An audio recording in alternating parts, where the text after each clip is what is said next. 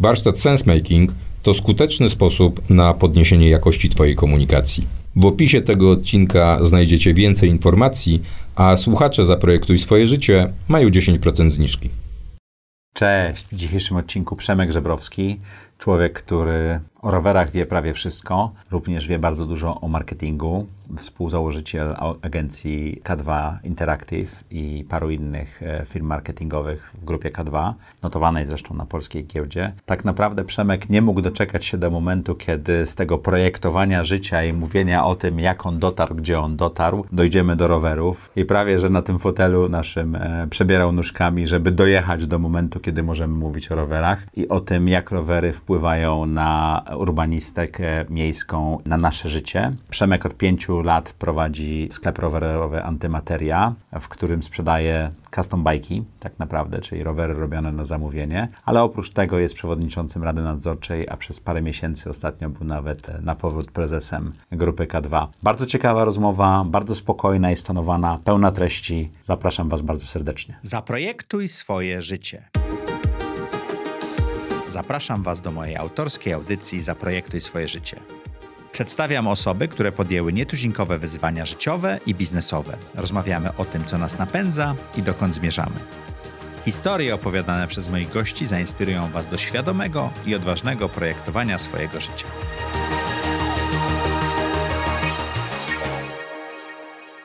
Cześć, witajcie w kolejnym odcinku audycji Zaprojektuj swoje życie. Jak co tydzień w czwartek o czwartej interesujący goście opowiadają swoje historie, inspirują nas, zadajemy trudne pytania, oni odpowiadają. Wychodzi z tego ciekawa rozmowa, którą mam nadzieję oglądacie. Jeżeli jesteście tutaj pierwszy raz, zapraszamy na dół na YouTubie do subskrybuj, na Apple Podcast czy na Spotify na obserwuj. Wasze komentarze to jest to, dzięki czemu żyjemy i pokonujemy Artificial Intelligence, które nas tam układa w różnych rankingach, także komentujcie, nawet komentarz dla zasięgu jest boski, taki kochamy. I jeżeli chcecie oglądać odcinki Zaprojektuj swoje życie przed czasem, zapraszamy na naszą stronę Patronite, patronite.pl łamane przez ZTZ, gdzie nasi patroni mogą oglądać odcinki nawet tydzień, dwa przed i mogą zadawać pytania gościom. A naszym gościem dzisiaj jest Przemek Żebrowski. Przyjechałeś rowerem? Kurczę, wstyd. Przyjechałem samochodem, ale rower jest w tym samochodzie, bo jadę później 250 km, także uznałem, że jednak potrzebuję wsparcia. Samochodu? Jednak samochodu, tak. Przemek, e, do czego dojdziemy pewno pod koniec, ma swój sklep rowerowy, tak? Co biznes rowerowy. E, jako hobby czy jako biznes? Jak na hobby to bardzo kosztowne, bo A jak na biznes to bardzo mało zyskowne? A jak na biznes to niestety niezyskowne, ale to jest jeden z paradoksów wielkich różnego rodzaju pasji życia. Koronawirus spowoduje, że być może właśnie w tym roku będziemy zyskowni. Po pięciu latach. Po pięciu latach. Dobrze, ale y, jedną z rzeczy, która jest twoim takim chwałą, to jest między innymi jesteś założycielem K2, tak? No pewnie, wiesz, nie da się odciąć od tego, co jest na LinkedInie i, i, i pewnie dla większości osób, e, jeżeli ktokolwiek mnie kojarzy, to z czegokolwiek to będzie mnie kojarzył właśnie z, no w sumie wieloletniego związku. Z K2 ja się śmieję, że w tym takim świecie właśnie szybkich sukcesów, e, startupów, e, internetowych inwestycji jestem dosyć nietypowy, bo jestem założycielem, współzałożycielem z Michałem Lachem K2, inwestorem i w ciągu 20 lat jedynie zwiększam swoje udziały w tej spółce. Nigdy tak naprawdę nie spadłem poniżej tego poziomu, który byłem pierwotnie. Okej, okay, czyli jesteś również inwestorem. K2 to jest agencja marketingowa, ale o tym opowiemy za chwilę. To powiedz mi, Przemku, jak wyglądało do tej pory projektowanie Twojego życia? Przygotowując się trochę do tej rozmowy, obejrza obejrzałem parę filmów e, z innymi wielkimi e, e, Twoimi gośćmi. Między innymi spojrzałem na, na Kubę Bękę, który mówił tak właśnie bardzo pewnie, a że znamy się i, i, i biznesowo, i prywatnie. Myślałem sobie, kurczę, że tak inteligentnie i ładnie to ja o swoim życiu chyba nie będę w stanie e, powiedzieć. A to kończymy wywiad w tym razie. No daj, no, błagam, daj mi szansę, bo, bo, ja o tych rowerach, wiesz. A, dobrze. Ten marketing, content i tak dalej, no po to tu jestem przecież. Nie, a tak serio, ja, ja myślę, że nie wiem jak inni, ale ja myślę sobie, że może się nie, nie obrażę od razu, ale w ogóle przywiązywanie tak dużej wagi do tego projektowania, nie wiem, czy to w ogóle jest tak bardzo sensowne. Ale to muszę ci powiedzieć, że duża część naszych gości mówi, że w ogóle nie projektowała, albo projektowała przypadkiem, albo w późniejszym okresie, więc ja nie, to jest tytuł audycji, który jest też takim... Mhm. Kontrowersją. Pro, prowokacją bym Rozumiem. to chyba nazwał w pewnym sensie, do, do zastanowienia się nad mhm. tym, jak się znaleźliśmy w tym miejscu, w którym mhm. się znaleźliśmy. Stąd mhm. też projektowanie życia. No więc ty nie projektowałeś? Co ja, ja kurczę, mam prawie 50 lat Także już Ja mam po, 51, powoli także wchodzę w taki etap, że wiesz, no wychodzę w t-shirtach, polo, ale tak kurczę, wyobrażam sobie, że może mógłbym mieć już jakiś rodzaj, nie wiem, doświadczenia do podzielenia się z innymi, jakichś lekcji i myślę sobie, że jedną z tych lekcji to jest to, że no dobrze jest mieć jakiś kierunek, z grubsza rzecz biorąc, tak? Znaczy, no wiesz, e, żeby gdzieś e, podążać, ale też tak bardzo nie przywiązywać się, jak ta droga nagle zakręca, schodzi w dół, schodzi w górę, bo myślę, że wiele osób ma z tym problem, tak? To znaczy, że te takie gwałtowne zmiany, duże, traktują bardzo serio. Myślę, że no, życie ma tyle różnego rodzaju e, związanych z nim, no po prostu jakichś tam problemów, kłopotów, cierpień, że nie ma co jeszcze dodatkowo dostarczyć kolejnych. Skromny człowiek, który mówi o sobie dość mało, zaczynał karierę w Ministerstwie Finansów, potem e, prywatyzował O, firmy w różnych bankach. Tak, oczywiście, no przecież e, Credit Suisse, First Boston sprzedaliście PKO do Unicreditu między innymi. To była transakcja, którą ty robiłeś. Potem założył jedną z większych agencji marketingowych, a przy okazji zajmuje się pro, promowaniem i mówi, że nie projektował i, i nie ma co do opowiedzenia. Wiesz co, no bo, nie, bo tak trochę jest. Słuchaj, cała ta bankowość inwestycyjna wzięła się oczywiście Ale to jest marzenie wielu ludzi, żeby z trafić do... biedy socjalizmu. Wiesz, ja się w sumie wychowałem jednak e, w tamtym systemie. Poszedłem na studia na Wydział Zarządzania i pamiętam, że jak nas e, wpuścili, to tam prawie, że wiesz, e, wykreślali coś, co się nazywało współpraca w ramach RWPG, bo taki Z miałeś programu, tak? Programu i to się nazywało e, handel międzynarodowy, ale ten facet, który nas uczył, no to on nic więcej poza tym RWPG Nie potrafił uczyć. Nie potrafił uczyć, w związku z tym metka była inna, ale zawartość była dokładnie taka, taka sama. I, Jak i, znalazłeś się w Ministerstwie Finansów? no więc właśnie, wiesz, to jest to projektowanie. Ja mógł tu, wiesz, dorabiać jakąś teorię, a brutalna prawda jest taka, że moja rdzona siostra na imprezie z koleżanką, rozmawiając e, gdzieś, usłyszała e, chłopaka, pana, faceta, dzisiaj to jest bardzo znana postać, e, Sławomir Sikora, prezes Citibanku, który był wtedy powracającym z Niemiec e, doktorantem, który chciał zbawiać za pierwszego tak zwanego Balcerowicza świat i prywatyzować i restrukturyzować sektor bankowy w Polsce. No i właśnie mówił o, e, na tej imprezie, że są szkolenia dla młodych ludzi, że są w ogóle otwarci na to, żeby w tym takim skostniałym budynku na Świętokrzyskiej wciągać młodych. Tak się znalazłem. Czyli e, poszedłeś na szkolenie. Poszedłem teoretycznie na coś, co miało być otwarciem na różnego rodzaju szkolenia, czy wyjazdy, czy w ogóle naukę, a skończyło się na tym, że pewnie najciężej w życiu to właśnie pracowałem jako student jeszcze na pełen etat Ministerstwie Finansów, bo to był ten okres taki naprawdę bardzo pionierski. I trzeba było wszystkie kalkulacje robić, wszystko przygotowywać, tak? Po pierwsze był taki etos pracy. Mój No bo Polskę zmienialiśmy. Tak, tak. Mój szef pracował jego szefowie e, do 20, 21, wszystkie soboty, część niedzieli. Mało się o tym mówi, ale ten pionierski czas to, to nie były tylko spotkania i konferencje, ale wtedy naprawdę się bardzo ciężko e, pracowało. Tak się znalazłem w ministerstwie. Ten, ta bankowość cała to był właśnie jakby no, Wynik? wynik e, tego pierwszego A, przypadku. a, a czego nauczyła Cię praca w ministerstwie? Bo więcej niż te zajęcia z e, wspólnoty RWPG z pewnością.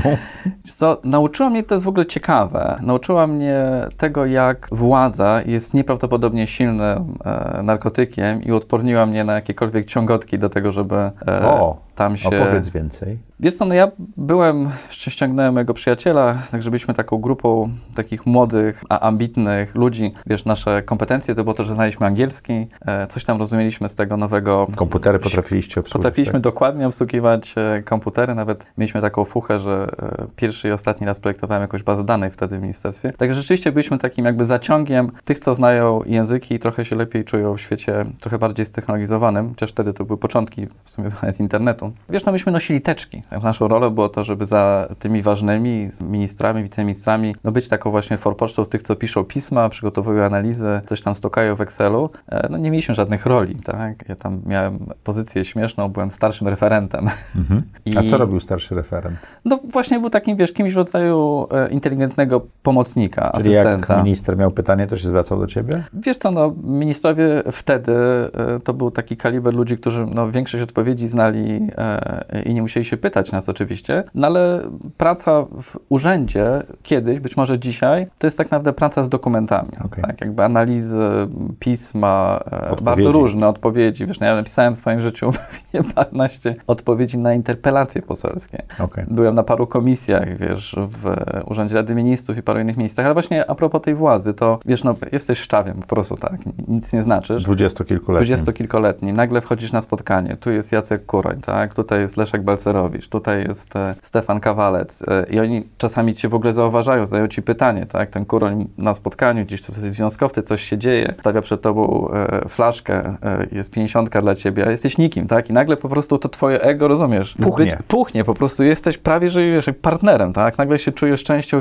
wielkiego e, przedsięwzięcia, I ten narkotyk nie zadziałał dla ciebie? przez chwilę to było swoje szaleństwo. Ja, ja po prostu myślałem, że zwariuję ze szczęścia. Nagle ktoś cię przypadkiem pakuje do rządowej limuzyny. Ta limuzyna rusza, wiesz, spod alei ujazdowskich z piskiem opon. E, zaczyna się kręcić kogut. Widzisz, jak tam spychają te, e, te samochody. Ja sobie zadałem sprawę, Jezu, jakie to jest fajne, tak? Jak to poczucie, wiesz, tej niezwykłości, nadzwyczajności, tego, że ty możesz więcej niż inni. Jestem lepszy niż inni. Ależ proszę cię bardzo, no to naprawdę jakby to, co dzisiaj widzisz w polityce, ja myślę, że no to, to naprawdę trzeba tego chociaż ja taką odrobinę skosztować, żeby poczuć, że to jest dużo lepsze niż jakikolwiek biznes, tak? Pod kątem właśnie, wiesz, tego, jaki ja jestem niezwykły, jaki jestem ważny, jak- ile ja mogę. To, to, to, mnie nauczyło właśnie, czy to, ja, to nie jestem ja, tak stwierdziłem, że to być może jest fajne, ale ja miałem chyba w sobie zbyt wiele lęków, obaw, jakby myślę, że wiele osób to wchodzi po prostu, wiesz, i, i błyszczy, tak? Jakby ta kariera ich ciągnie. Ja I podjąłeś decyzję, że ministerstwo to nie dla ciebie, czy de- de- decyzja z przejściem do powszechny bank kredytowy, to się wtedy tak Tak, nazywało, tak, tak. To była twoja decyzja, czy bank cię szukał, czy jak to zadziałało? Wiesz co, no ja jestem z tego pokolenia szczęściarzy, którzy nigdy nie szukali żadnej e, pracy. No po, po lata, no, od początku lat 90. trochę tak było. Ja wróciłem Tak. do Polski w 98 roku, to te prace same pukały, tak? Nawet jak był kryzys rosyjski. Oczywiście. Wiesz co, ale to myślę, że to jest... No, wiele osób też o tym zapomina, że my jesteśmy wyjątkowo uprzywilejowani, tak? Znaczy, że to się nie powtórzyło, e, nie było tego wcześniej i się nie powtórzy. ale powtarza się w tej chwili troszeczkę przez cyfryzację wszystkiego, bo pokolenie, które rozumie tą cyfryzację, wchodzi na bardzo wysokie stanowiska bardzo szybko. Są Mhm. członkami rad nadzorczych 20, no może nie 20, ale 30-latkowie, tak? Ale Poważnych firm. Ale myślę, że to jest nie ta skala, jeżeli chodzi o jednak, e, wiesz, no, liczba osób versus jakby liczba etatów i możliwości w sensie też Okej. konkurencji, tak? Znaczy, Okej. wtedy naprawdę... Cały, byłeś- cały system się zmieniał. Tak? Tak, tak, wtedy byłeś tak, byłeś w Warszawie, skończyłeś e, jakieś tam studia, Mówiłeś nawet po dowolne, angielsku. mówiłeś po angielsku, to było tylko pytanie, gdzie chcesz pracować, tak? A, a nie czy i wiesz... I, To i, dlaczego powszechny bank No, kredytowy? no właśnie, a propos tego, wiesz, nie- szukania. Mój ówczesny szef, czyli właśnie pan Sławomir Sikora, wtedy z ministerstwa naturalnym, e, naturą rzeczy było szukanie później jakichś jednak pomysłów na to, żeby trochę odrobić e, e, poświęcenie finansowe i poszedł właśnie, był członkiem zarządu PBK i ściągnął za sobą przecież zarabiało osób. się miliony w ministerstwie, nie? Nie, Tylko miliony stare, starych złotówek, tak? tak, tak. Moja pierwsza pensja to zdaje się, że było trochę ponad milion e, złotych przed. Do- Dobrze nie pamiętam, ale życie te, te, te kwoty były A dla tych, co nie Zawrotne. pamiętają, to, to, to jest 10 tysięcy złotych. mniej, mniej- trzeba podzielić 10 trzeba. Trzeba podzielić przez 10 tysięcy złotych, obciąć po prostu 4 zera. Tak, moja pierwsza pensja to było chyba około półtora tysiąca na dzisiejsze Mhm. pieniądze. Czyli półtora miliona. Półtora miliona. W PBK było szaleństwo, bo to już były znacząco em, większe pieniądze. No i te, wiesz, jakby te, te, te, te ruchy konika nomen, omen szachowego e, po, po mojej karierze to były tak naprawdę z jednej strony wykorzystywanie tego, że ktoś przychodził i mówił zróbmy coś, tak? Właśnie wtedy e, to był, tak samo zresztą było w bankiem. Ja znalazłem się w e, CS First Boston w ten sposób, że na spotkaniu, które oni organizowali, próbując sprzedać coś nam, w sensie PBK, pojawiłem się jako ten, który znał angielski, bo trzeba po prostu się spotkać z jakimiś tam wariatami z Londynu. No i oni zobaczyli, że jest jakiś kumaty, mam nadzieję, człowiek i wtedy e, chłopak, z którym zresztą kontakt, Konstantin Gontikas, e, zaproponował e, swojemu szefowi, słuchaj, jest jakiś, wydaje się, że kumaty człowiek właśnie z banku. Zatrudnijmy go. Tak, jakby wyciągnij go na kawę. E, mój później kolejny szef, Marek Guls, właśnie z Credit Suisse z Boston, e, zaprosił mnie na kawę, pojechałem na interwiu do Londynu. No i to nomen nomen a propos, wiesz, tego, te, tej władzy i prestiżu, no to wiesz, jeżeli wtedy miałem jakiekolwiek wątpliwości, czy to jest dobre miejsce, to na Heathrow wysłali Jaguara z kierowcą, żeby mnie, wiesz, do Ile Canary miałeś Wharf. lat wtedy? 27. Aha, i już po ciebie przyjeżdżała Przy, limuzyna, przyjechał, tak? przyjechał Jaguar po to, żeby mnie zawieźć, no wiesz, na interview, nie? Znaczy, a później zobaczyłem ofertę pracy i wiesz, jakby nie miałem żadnych wątpliwości. Z nadmiaru władzy przeszedłeś w nadmiar pieniędzy na, Tak, na, na swoją grupę wiekową, tak? Absolutnie, tak. Znaczy, wiesz, jakby myślę, że to, to, to, to pewnie do dzisiaj też tak działa. ile wtedy zarabiał bankier inwestycyjny? Wiesz co, no ja dostałem ofertę na 75 tysięcy dolarów podstawy i gdzieś tam tak delikatnie powiedziano mi, no, że premie są zwykle równe, a czasami większe Od podstawy. Który od to podstawy. był rok? To był rok 1997. Wow. No to było kupę kasy wtedy. Znaczy, to były pieniądze, które pozwalały spokojnie kupić sobie mieszkanie po pierwszym roku pracy. Nie? Bez kredytu, bez niczego. Bez kredytu, za wtedy, gotówkę, tak. wtedy zresztą nie było kredytów, tak. Ja pamiętam, w 98 roku przyjechałem, to chyba zarabiałem równowartość 10 czy 12 tysięcy dolarów, także to wiesz, 10 razy tyle, nie? Tak, plus jeszcze wyzysk e, zupełny, to znaczy praca po 12-14 godzin na dobę, wiesz, to jest, to jest, to jest jakby, nie wiem... Ale czy- za tyle pieniędzy. co tak, trzeba- tak, tak, znaczy absolutnie. Znaczy tutaj ten, ten jakby jest klarowna bardzo jakby reguła, tak? To znaczy ta, ta transakcja jest taka, że my zabieramy ci całe życie i dajemy ci kupę szmalu. Właśnie chciałem powiedzieć, że e, poza tym aspektem finansowym, no to nie wiem jak dzisiaj, ale wtedy to były też takie miejsca, gdzie no to był też powiedzmy... Prestiż. Nie tylko, wiesz, chcę powiedzieć, że e, to był też moment tak naprawdę pewnie najpiękniejszej takiej, wiesz, nieskrępowanej regulacjami, jeszcze tak mocno kontrowersjami e, historii właśnie związanej z, z rozwojem bankowości inwestycyjnej. To był ten moment, kiedy ci bankierzy latali, wiesz, Concordem z, Londony, z Londynu do Nowego Jorku. Spałem wtedy absolutnie w najlepszych hotelach. Nikt nigdy się nie przejmował. Były oczywiście momenty, to właśnie kryzys rosyjski, że trzeba było trochę oszczędzać, ale później to po pół roku wracało do A może normalności. dla widzów, którzy nie wiedzą, czym się różni bankier inwestycyjny, od, czy bank inwestycyjny od takiego normalnego banku, bo to nie jest tak naprawdę bankowość, tak? To są transakcje, prawda? Wiesz co, ja pracowałem akurat typowym, nietypowym, to znaczy jest do dzisiaj wiele instytucji, które mienią się, że zajmują się bankiem inwestycyjnym i rzeczywiście to jest głównie doradztwo związane z, no takich dwie główne dziedziny, tak, rynki kapitałowe, transakcje i transakcje związane z e, kupnem, sprzedażem biznesów, aktywów, ale akurat ten bank, w którym ja pracowałem, no to jest taki bank-bank, to znaczy tam jest ta część Credit Suisse, gdzie była i bankowość prywatna, i normalne kredyty, i normalne pożyczki, i project finance, i tysiące innych usług, i duży bardzo też e, część tradingowy, tak, to znaczy m, moi znajomi i Ale później... ty się zajmowałeś transakcjami Tak, e, tak. Znaczy, dla klientów. Biuro warszawskie to było po prostu doradztwo, tak? Do tego niepotrzebny jest bilans, do tego niepotrzebne są tak naprawdę pieniądze. No ale jakoś tak się przyjęło, że te największe transakcje robiły wtedy i do dzisiaj tak zwane te bulge bracket banks, czyli właśnie dzisiaj ta, ta lista się zmniejsza, no ale Credit Suisse wtedy nazywane CS First Boston należał właśnie do tych największych. I co się stało, że z takiej pięknej kariery bankiera inwestycyjnego, zarabiającego kupę kasy, robiących piękne transakcje typu sprywatyzowanie banków w Mhm. Polsce, postanawiasz założyć agencję marketingową w 2000 roku bodajże, 2000 tak? rok, tak. Tuż przed końcem bańki internetowej, tak? Tak, tak. E, Wiesz co, no właśnie, i to jest ta część, którą można e, spoglądać w różny sposób, bo To było już projektowanie? Którego się wypierasz? Wypieram się. Bo wiesz, jak kiedyś przeczytałem, to naprawdę na mnie zrobiło piorunujące wrażenie, że nawet jeżeli e, wiesz, pominiesz jakoś taką, powiedzmy, część dyskusyjnej, wiesz, analizy tego, na ile to, co my mówimy, wiesz, jest e, związane właśnie, co tak naprawdę w nas mówi, tak? Znaczy ta, ta część, która generuje myśli, tak? Na ile to jestem ja, na ile to są jakieś, wiesz, formy różne, to wydaje się, że właśnie, że to, to, to coś w nas, co myśli, co, co, co wiesz, co, co mówi, co, e, co się wymądrza zwykle, no jedno, co potrafi zrobić bardzo dobrze, to jest właśnie nadawanie sensu. Jest taka w ogóle teoria, e, Sensu życia? Sensu w ogóle, tak? Znaczy, Okej. że wiesz, że jakbym do ciebie przyszedł i powiedział ci, wiesz co, nie wiem dlaczego to wszystko robiłem, tak? Jakby ktoś do mnie przyszedł, to mi się wydawało, że to jest fajne, poszedłem, albo chciałem udowodnić mojej wtedy ówczesnej, nie wiem, partnerce, chciałem kas. Jakby, Miałeś motywacje, które w tej chwili niekoniecznie są dla ciebie ważne? Czy w nie, ogóle nie, nawet... chcę powiedzieć, że wiesz, że po prostu tak naprawdę nikt nigdy na serio nie wie, dlaczego coś robi, tak? Okej. Bo tych czynników jest po prostu tak wiele, one są tak różne, są z tak różnej parafii, tak? Jakby część strzewi, I potem część z sobie- głowy, potem część sobie serca. tłumaczymy Ale później, wiesz, no nie mogę do ciebie przyjść i powiedzieć, wiesz co, nie mam żadnego pojęcia, czy coś robiłem. Znaczy, każdy z nas jest w stanie dowolną swoją głupią decyzję Wytłumaczyć. wytłumaczyć w taki sposób, że nie wygląda na kompletnego idiotę. I podobno ewolucyjnie to ma znaczenie. To znaczy, wiesz, że gdybyśmy w tej wiosce, tak, jakby atakując innych, tak, nie potrafili wytłumaczyć, czemu to robimy i czemu gromadzimy wokół siebie jakichś ludzi, to ta interakcja społeczna byłaby tak st- stochastyczna, tak dziwna, tak, tak po prostu, wiesz, bezsensowna, że nie byliśmy w stanie na- temu sensu takiego społecznego, który jednak posuwa wszystkie rzeczy do przodu. Rozumiem, jakby do tego, żeby żyć, żeby to społeczeństwo jakoś funkcjonowało, potrzebujemy współpracy, a jakiś rodzaj logiki czy wytłumaczenia jest właśnie spoiwem tej współpracy. A wiesz, moja szczera odpowiedź jest taka, że nie wiem, dlaczego większość tych rzeczy się wydarzyła w moim życiu. Tak, no wiesz, no, czy jestem w stanie zaprojektować sobie to, że ktoś do mnie przyszedł i powiedział, pracuj z nami, tak, albo gdzieś tam, wiesz, zawiózł mnie Jaguarem, albo miałem, miałem dobry dzień i wypadłem kompletnie idiota. Czyli co, na... założyłeś K2 przypadkiem? Wiesz co, no właśnie, No bo miałeś, przepraszam, zajebistą pracę.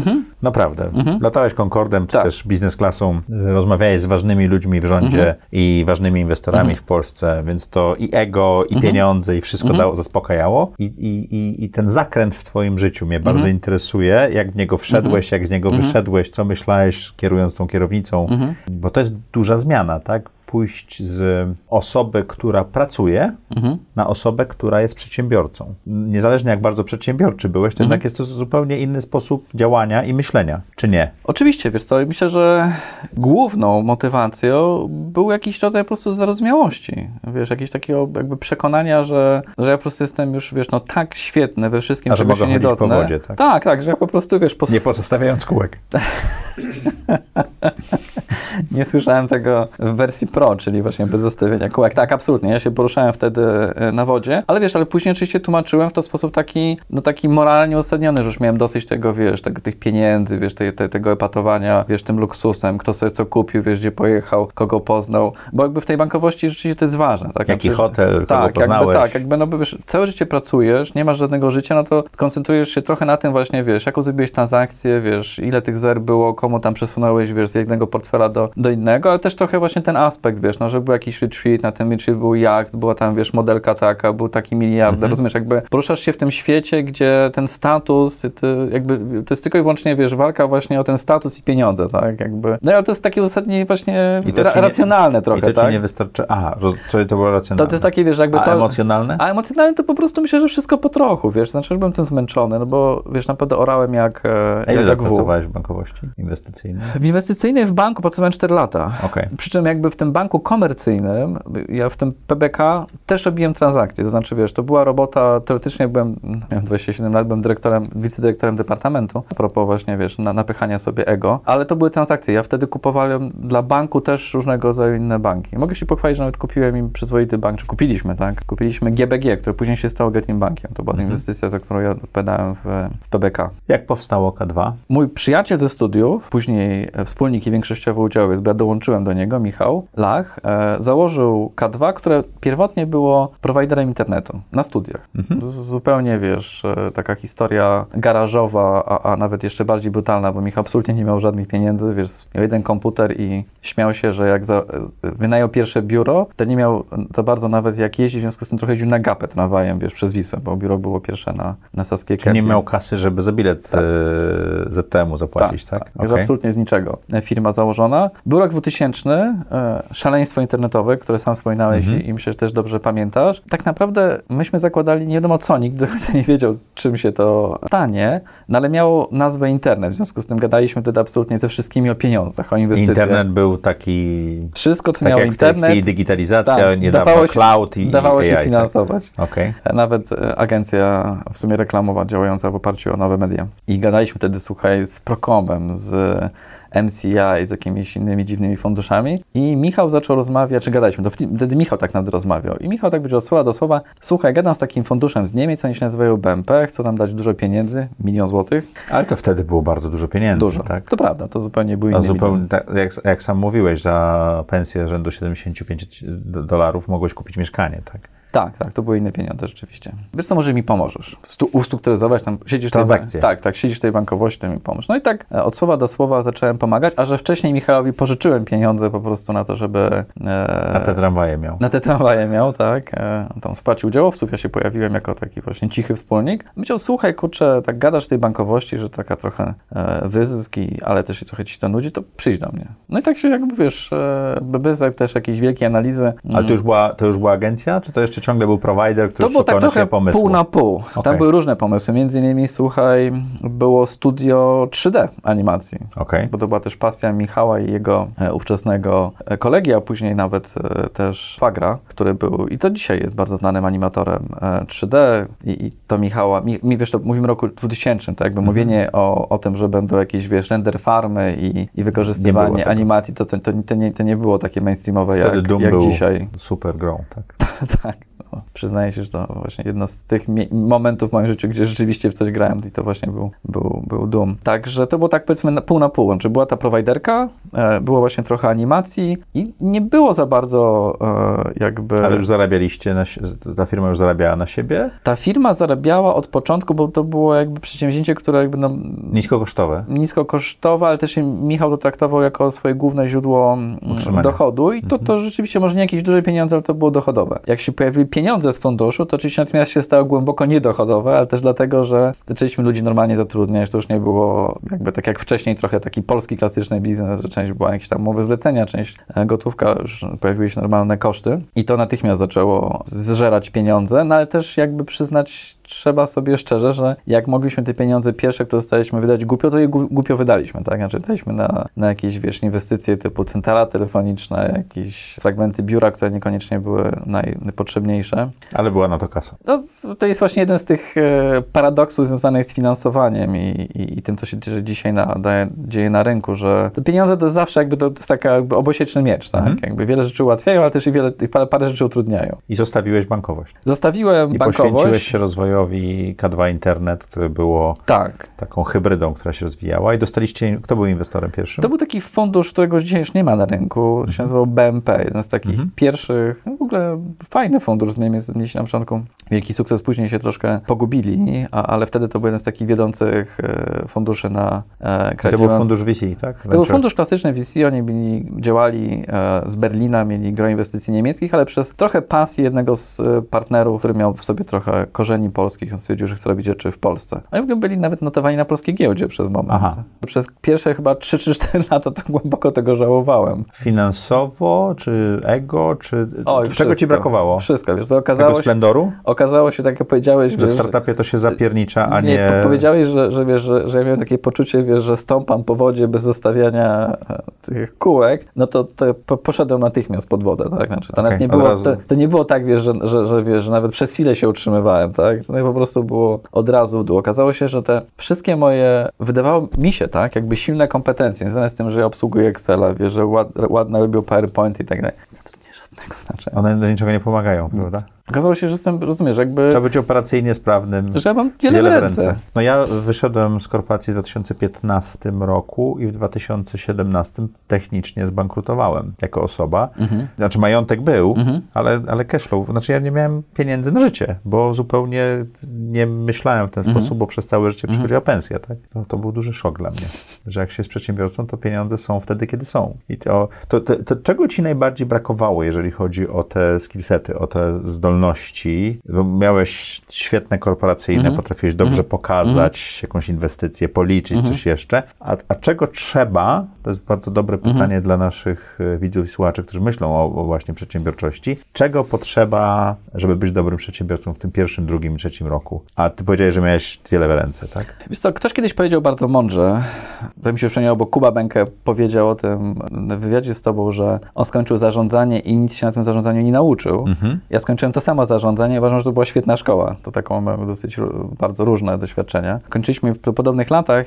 Ja trafiłem na super profesorów e, i ludzi, którzy wtedy robili to absolutną pasją. Okej, okay, no były też takie historie typu RWPG, ale byli też ludzie, którzy kształcili się w Stanach i nagle zaczęli, nagle pozwolono im, wiesz, pokazać tą całą wiedzę, którą mają, tak? Znaczy, to były takie osoby jak właśnie choćby profesor Krzysztof Obu i, i paru jeszcze innych, którzy naprawdę wiedzieli, tak? I wiedzieli też, jak fajnie... I jak to przekazać. Jak to tak? przekazać. Tak? Także y, ja z tej szkoły między innymi, wiesz, e, e, pamiętam, że nomen nomen właśnie z wykładu albo profesora Koźmickiego, właśnie obuja, że, że duże korpo walczą z chaosem, tak? Małe firmy walczą o przetrwanie. I tak rzeczywiście jest. Znaczy, to, czego mi brakowało, to właśnie obniżenie tego poziomu i akceptacji, że ja nie jestem, wiesz, menadżerem, nie jestem kierownikiem, nie jestem wielkim szefem, nie zajmuję się delegowaniem Ale i jest, pisaniem. Jesteś przedsiębiorcą, który musi to... Tak po prostu zapierniczam, rozumiesz? Jakby trzeba skręcić biurka, to na kolana i śrubokręt, tak? Trzeba pójść robić sprzedaż. To nie ma tak, że nie sprzedaje, tak? Po prostu siadasz Jak tele... nie sprzedajesz, to nie ma sprzedaży. Nie jest tak, że zatrudniasz sprzedawcę, tak? Po prostu nikt tego za to, wiesz, jakby na samym końcu nikt za ciebie wielu rzeczy nie jest w stanie zrobić, ale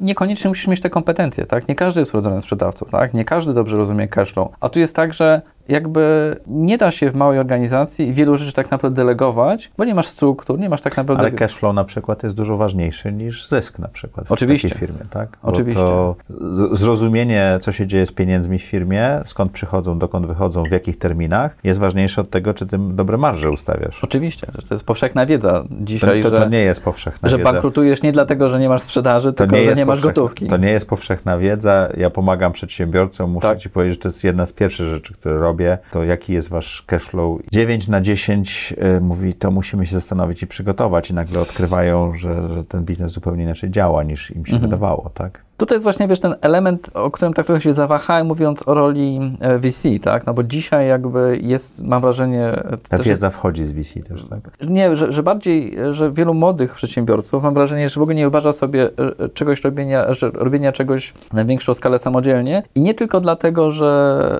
nie wie jak tego sfinansować, tak? Znaczy jest ewidentnie takie przechylenie pod tytułem weźmy pieniądze, zróbmy, tak? Versus sprzedajmy i zaróbmy, tak? Co oczywiście nie chcę powiedzieć, że jedno jest złe albo, albo jest drugie jest kwestia tego modelu blitzscalingowego, gdzie chcemy jak najszybciej Tak. z, zabrać komuś rynek, tak, tak. albo stworzyć rynek. Tak, ale mam wrażenie, że to niestety powoduje jednak bardzo duży poziom jakby Wymierania startupów. też, ale też jednocześnie po prostu marnotrawstwa energii, czasu, pieniędzy, bo wiesz, zamiast coś od razu sprawdzić e, rynkowo, tracimy bardzo dużo energii i pieniędzy, żeby stworzyć jakiś rodzaj, wiesz, prototypu, e, rozwiązania, budujemy jakieś tam systemy. Bardzo często to jest praca, praca w gwizdek. Mam wrażenie, że ludzie się coraz bardziej boją tego testu rynkowego, tak? Znaczy niby się oczywiście mówi, że tam, wiesz, ten MVP i tak dalej, i tak dalej, a ludzie przede wszystkim wolą robić, produkować, wiesz, tworzyć, niż chodzić do klientów i po prostu wstydzić się za to, że to nie działa, albo nie działa tak, jak obiecali, że działa i A tak ty dalej, nie i tak miałeś dalej. takiej opcji, bo pomimo tego, że dostaliście inwestycje, musieliście...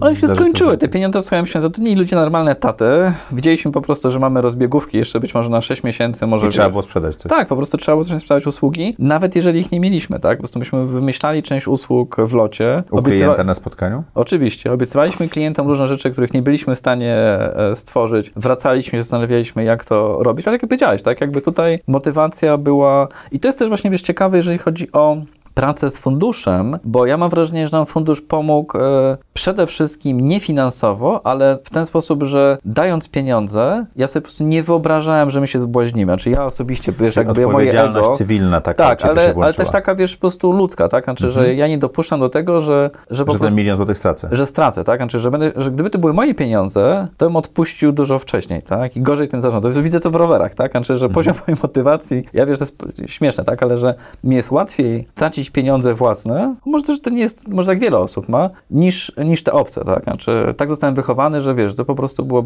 że tak, to jest absolutny blamaż, tak? Znaczy, że, że wiesz, nieoddanie tych pieniędzy to po prostu jest, no, nawet nie chcę o tym myśleć, to jest tak jakby trudne psychicznie. Mam nie? takie inwestycje, gdzie wiesz, pilnuję, żeby biznes szedł, dlatego że moi znajomi czy przyjaciele zainwestowali pieniądze i musimy ich wykupić. Nawet jeżeli nie zrobimy wielkiego biznesu z tego, to, to. chociaż oddajmy kapitał włożony, tak? Otóż to. Także to rozumiem. Czego nauczyła Cię praca w K2? To, to jest takim, wiesz, piękny moment, trochę się rozgościłem, mogę się, wiesz, powymądrzać, e, coś tam nam wyszło, ale wiesz co, no paru rzeczy, znaczy tak osobiście to, że właśnie, i to też widzę przy tych moich rowerach, że dobrze jest jednak raczej je, nie przeceniać swoich umiejętności, tak, znaczy, że jednak dobrze jest na czymś się konkretnym znać, nie udawać, że wiesz, że Być genialnym rzemieślnikiem niż e, To nie jest tak złe. genialnym generalistą. Tak, to nie jest złe. Znaczy, fajnie jest być generalistą, to otwiera wiele perspektyw, ale jakaś taka, wiesz, domena, umiejętność, znalezienie jakiejś swojej niszy, rynku, kawałka rynku, jakiegoś produktu, rozwiązania, czy nawet takiej, wiesz, no, zdolności własnej, żeby coś być w stanie skręcić, wiesz, żeby coś zaprogramować, żeby coś namalować. To ma moim zdaniem kapitalne e, znaczenie, tak? E, To jest taką, wiesz, twoją, taki, wiesz, e, safe harbor, nie? To coś, ty gdzieś tam się oddalasz i wiesz, że to jednak potrafisz, tak? Że jak e, się nie sprawdzą To jest jedna lekcja. Jeszcze jakieś lekcje? Wiesz, tam to, to, to już pewnie wszyscy, którzy tu przychodzą, to mówią, wiesz, team, team, team, team, no, no, no pewnie, tak? Jesteśmy, kurczę, wiesz, no... Zarządzanie ludźmi, tak? tak, w świecie, gdzie nic się nie da zrobić samodzielnie, w związku z tym ten dobór współpracowników, jakby budowa DNA organizacji, jakiejś kultury, czegoś, co po prostu, wiesz, e, e, działa i jest normalnie się dobre. No, sukcesem K2 było to, że myśmy, wiesz, płacili na początku pensję o czasie, co nie było oczywiste na tym rynku, tak? Że myśmy traktowali ludzi serio, że umawialiśmy się na premie i te premie Były były, wypłacane. wypłacane, tak? Zresztą jakby wiele takich Jak oczywistości. Praktycznie buduje się kulturę organizacji? Więc to jest trochę tak jak właśnie z tym, o czym mówiłem o śrubokręcie. Jakby żadne prezentacje, wiesz, nie wierzę w to, jakieś wyjazdy, psychologowie, coachowie, po prostu musisz być autentycznie, tak? Musisz być ty, tak? Musisz być widoczny, musisz być z tym ludźmi. Co będziesz, wiesz, jakby... Jaki jest autentyczny Przemek? Wiesz, są tak jak każdy różny, kurczę, wiesz, no, masz lepsze dni, masz, masz gorsze, tak? Masz większy poziom, wiesz, wiary w e, gatunek ludzki i, i, i w siebie, wiesz, i mniejszy. Wiesz, no, to, to w każdym razie istotna jest dla mnie ten rodzaj jakby nadziei i tak jak wiesz, myślę, że z czasem to coraz większe znaczenie ma dla mnie takie poczucie, że to, co robię, mi się wydaje, być może jestem oczywiście, wiesz, naiwny, ale ma jakiś trochę większy sens niż tylko taki, wiesz, społeczny, niż tylko ekonomiczny, nie? To czemu wyszedłeś z K2 do Rady Nadzorczej i operacyjnie przestałeś być w firmie? Bo zdałem sobie sprawę, że ja się w tym spalam, to mnie kosztuje dużo bardzo energii. Wiesz co, no, myśmy, do, K2 jest naprawdę dość dużą organizacją, tak? Ile osób w tej chwili? Wyniki mieliśmy, wiesz, lepsze lub gorsze, to jest dzisiaj, nie wiem, ale myślę, że coś koło 400 cały czas, nie? To to mnie spalało, z drugiej strony miałem takie poczucie, wiesz, no, że, że ta firma nigdy nie będzie lepsza, bo ja jestem jej prezesem, tak? Znaczy, że jestem trochę Czyli udziałowcem. ty jesteś ograniczeniem rozwoju firmy? Bardzo. A to jest ciekawe, to muszę ci powiedzieć, że jak pracuję z founderami, to jest jedna z trudniejszych rozmów do przeprowadzenia. A ktoś ci to powiedział, czy sam to zauważyłeś? Nie, najgorsze jest to, że tego by mi nikt nie powiedział. Miałem taką pozycję, wiesz, jakby większościowy udziałowiec, jedyny Michał odszedł wiele lat wcześniej, tak? Jedyny ojciec założyciel w firmie, prezes zarządu, rozumiesz, jakby nieusuwalny tak naprawdę. Taka nadzorcza to są ludzie, których sam tak naprawdę ściągnąłem do firmy. Zarząd to są osoby, które ściągnąłem, czy pozostali członkowie zarządu. E, No, przyja- przyjaźnie, wiesz, wokół, tak? E, Bardzo bliskie mi osoby w różnych miejscach e, firmy, tak? Jakby przyjaźń, wiesz, znajomość, cały rynek, który mnie, wiesz, zna i kojarzy. W życiu mi się stamtąd, wiesz, nikt by mi nie był w stanie powiedzieć. Być może też to jest moja porażka, że zatrudniłem takich ludzi, którzy nie byli w stanie mi przyjść i powiedzieć, wiesz co, przeszkadzasz już trochę. No i postanowiłeś odejść sam, czy kogoś zatrudnić, czy to był bardziej skomplikowany proces? To był dużo bardziej skomplikowany proces, bo mieliśmy w zarządzie mocno spolaryzowane stanowiska wobec kilku kwestii. Ja chciałem dokonać rekonfiguracji zarządu, mówiąc bardzo delikatnie, wszyscy wiemy o co chodzi. Wśród moich kolegów, których sam zresztą do tego zarządu ściągnąłem, no był bardzo silny opór e, przed tymi zmianami. Ja trochę e, się unosząc honorem, ale trochę też jakby mówiąc sobie, no dobra, może to nie jest tak, jak mi się wydaje, tak? Może wy macie rację. Ja się odcinam, tak? Jakby wychodzę, trochę rzuciłem papierami, zrobiłem też trochę teatru wokół tego. Ale to emocjonalnie, czy... Emocjonalnie, tak. Znaczy, bo To, po, taki, po, poczułeś się urażony, skrzywdzony? Nie, nie, nie, wiesz co, po prostu tak jakby był ten moment takiego, wiesz, ro- rosnącej frustracji, zmęczenia i był ten moment jakby takiego, wiesz, też narastającego Buntu załogi, tak? konfliktu, może nie takiego narastającego bardziej konfliktu, tak, znaczy między moim sposobem myślenia a ich. W momencie powiedziałem, no dobra, mamy jakiś pomysł, jak to zmienić. Oni powiedzieli nie, To w takim razie to w takim razie bawcie się sami, tak? Jakby Okej. moje myślenie było takie, dobra, może nie mam racji, no ale jestem cały czas udziałowcem, e, e, za trzy lata wrócę i to posprzątam, tak? A może oni mają rację, to fajnie, będę, wiesz, tylko To z, wtedy- z promieniu swojej jakby wysokości rady nadzorczej będę tylko przychodził i patrzył i mówił, no to bardziej w lewo, statek może bardziej w prawo, tak? Albo nie wiem, pójmy na Karaiby, albo wracajmy gdzieś tam, wiesz, na Ocean Spokojny. To, co mnie zaskoczyło, to jest to, że to moje odejście spowodowało po drugiej stronie bardzo silną chęć odcięcia się, tak? Znaczy natychmiast się pojawił. Ja odchodziłem trochę sfrustrowany, ale nie było we mnie złości czy jakiejś takiej, wiesz, agresji, ale po tym odejściu to się dużo bardziej skomplikowało, tak? Znaczy od razu zrozumiałem po paru miesiącach, że ta moja wizja, że coś tam, nie wiem, nie będzie szło, to ja wrócę po paru miesiącach. Po, po, To nie po, będzie po, takie proste. To nie będzie takie proste. No ale teraz niedawno wróciłeś, musiałeś jako przewodniczący Rady Nadzorczej zstąpić na... Tak, tak. Znaczy mój plan się zrealizował Niezależnie od ciebie Niezależnie ode mnie, trzy lata później niż ja sądziłem, że się powinien też. Po zrealizować. sześciu latach. Po sześciu latach, ale to dlatego, że wiesz, jakby znowuż jakby oceniamy coś, co się wydarzyło relatywnie nie- niedawno. Być może za trzy lata będziemy mieli wszyscy inną optykę, być może za 10 lat jeszcze inną, ale ja mam wrażenie, że te zmiany powinny były być się wydarzyć trochę wcześniej, ale no, to jest jakby struktura spółki akcyjnej, giełdowej, rada nadzorcza, analizy, myślenie, wątpliwości. To musiała być w pewnym momencie decyzja e, Rady Nadzorczej. Rady Nadzorczej, a nie moja, tak? I w pewnym momencie e, ona zapadła. Zapadła taka, jak, e, jak sam e, wspomniałeś. I w sumie... No, ale teraz przebudowujesz firmę, prawda? Ściągnąłeś Pawła Wójca, na przykład Zagory i tak dalej, tak? Tak, znowuż się zaangażowałem w to, żeby,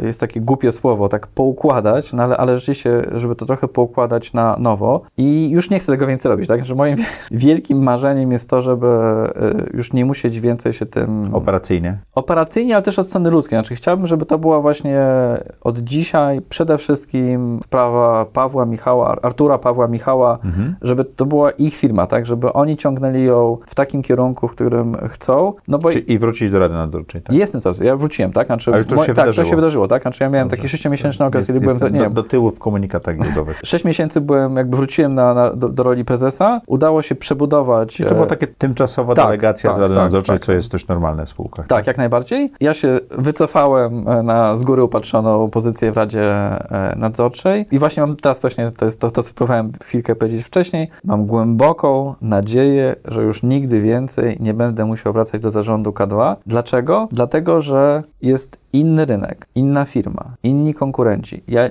nie chcę Nie udawać, rozumiesz już pewnych rzeczy. że ja to wiem i To było, rozumiem. to było właśnie moje pytanie, które chciałem zadać i tam mi umknęło, ale teraz jest Mhm. dobry moment. Czym się różni rynek szeroko powiedziany marketingowy Mhm. 2020 od 2000, kiedy zakładaliście firmę? Wszystkim. Okej.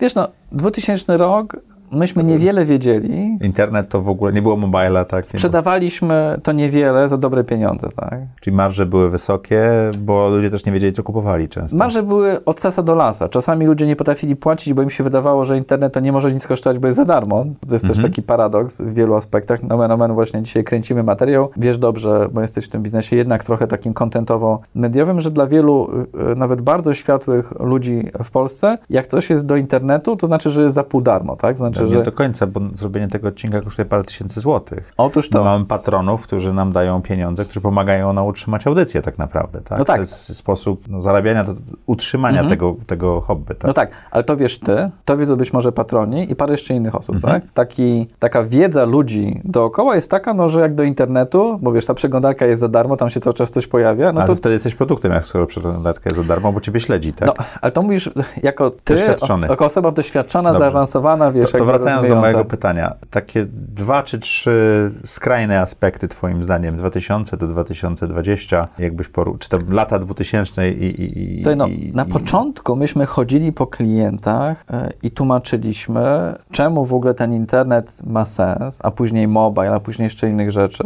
później jeszcze, wiesz, inne e, Ci nie co, ale dlaczego? Dlaczego, tak? Dzisiaj to w ogóle nie ma tej e, dyskusji. Rok 2000, rynek reklamy internetowej szacowany wtedy na między 4 a 8 milionów złotych. Total w Polsce. Total w Polsce. Wszystkie pieniądze wydane na banery, wiesz, no nie było wtedy jeszcze PPC, Google i paru jeszcze innych rzeczy typu Facebook, no ale były a, a, reklamy banerowe i tyle właśnie wydano Czyli na wtedy nie. była telewizja, print i takie rzeczy. I klienci, którzy mówili, a po co, jakby ja docieram bardzo efektywnie innymi kanałami. No ja pamiętam, jak Gazeta Wyborcza Praca była taką książką telefoniczną grubą. Tak. tak, to jeden z... Z przykładów propos- takich, to, to się zdigitalizowało i zniknęło, tak? Tak, tak, ale to jest akurat bardzo ciekawy przykład, no bo e, Pracuj e, jest dzisiaj warty wielokrotnie więcej niż Agora cała, tak? To znaczy kawałek biznesu wtedy, tak, jakby agorowego, czyli właśnie classifieds pracowe, przeniesiony do internetu, zmultiplikowany, spowodował to, że wartość tego modelu jest wielokrotnie większa niż, wiesz, no bardzo e, e, rozlegle działającej grupy No, będąc w. Nadzorczej Grupy Pracy nie śmiałbym komentować tego, A, to przepraszam, nie wiedziałem akurat dla odmiany, ale ja akurat z- znam odrobinę e, Przemka Gacka i od lat mu kibicuję. Nomen omen to jest jakby nasz wilo... Przemek, Przemek był gościem audycji. Jak nie widziałeś, to polecam. Bo, bo oczywiście, że na, nadrobię w takim razie to, te zaległości, ale to, to się prazu e, pochwalę, że my jesteśmy jako K2, nie chwalimy się tym bardzo często, to mogę powiedzieć.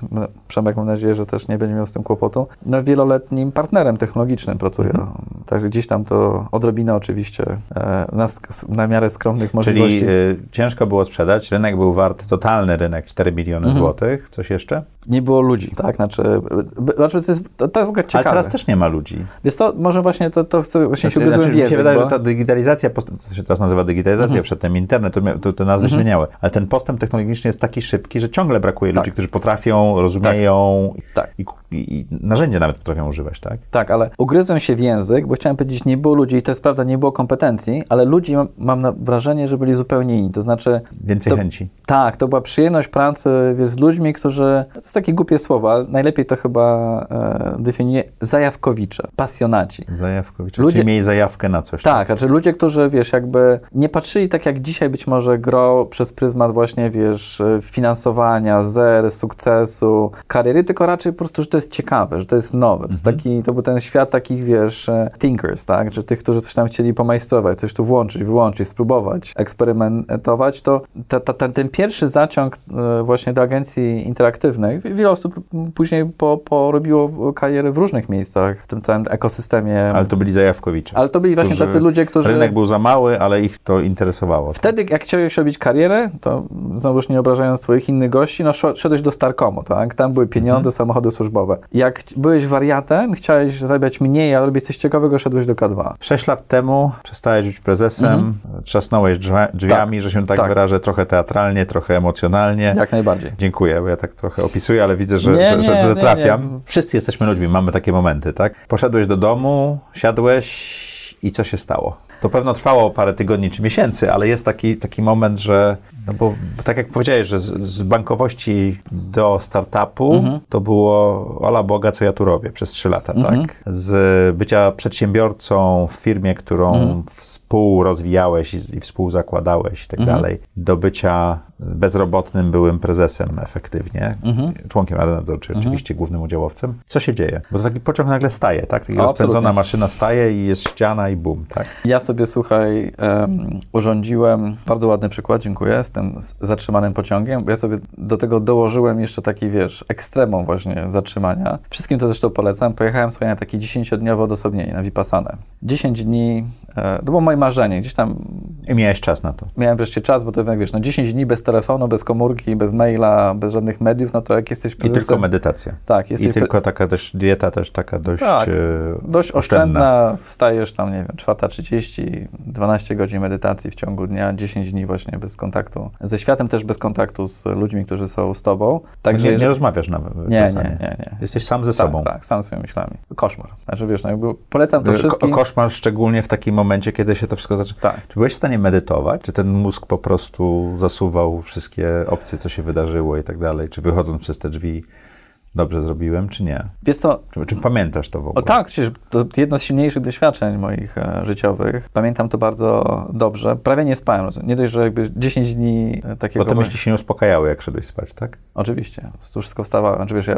znaczy, wszystko we mnie chodziło, ale też i wiesz, i moje ciało, tak, po prostu oddawało różnego rodzaju, e, wiesz, stresy.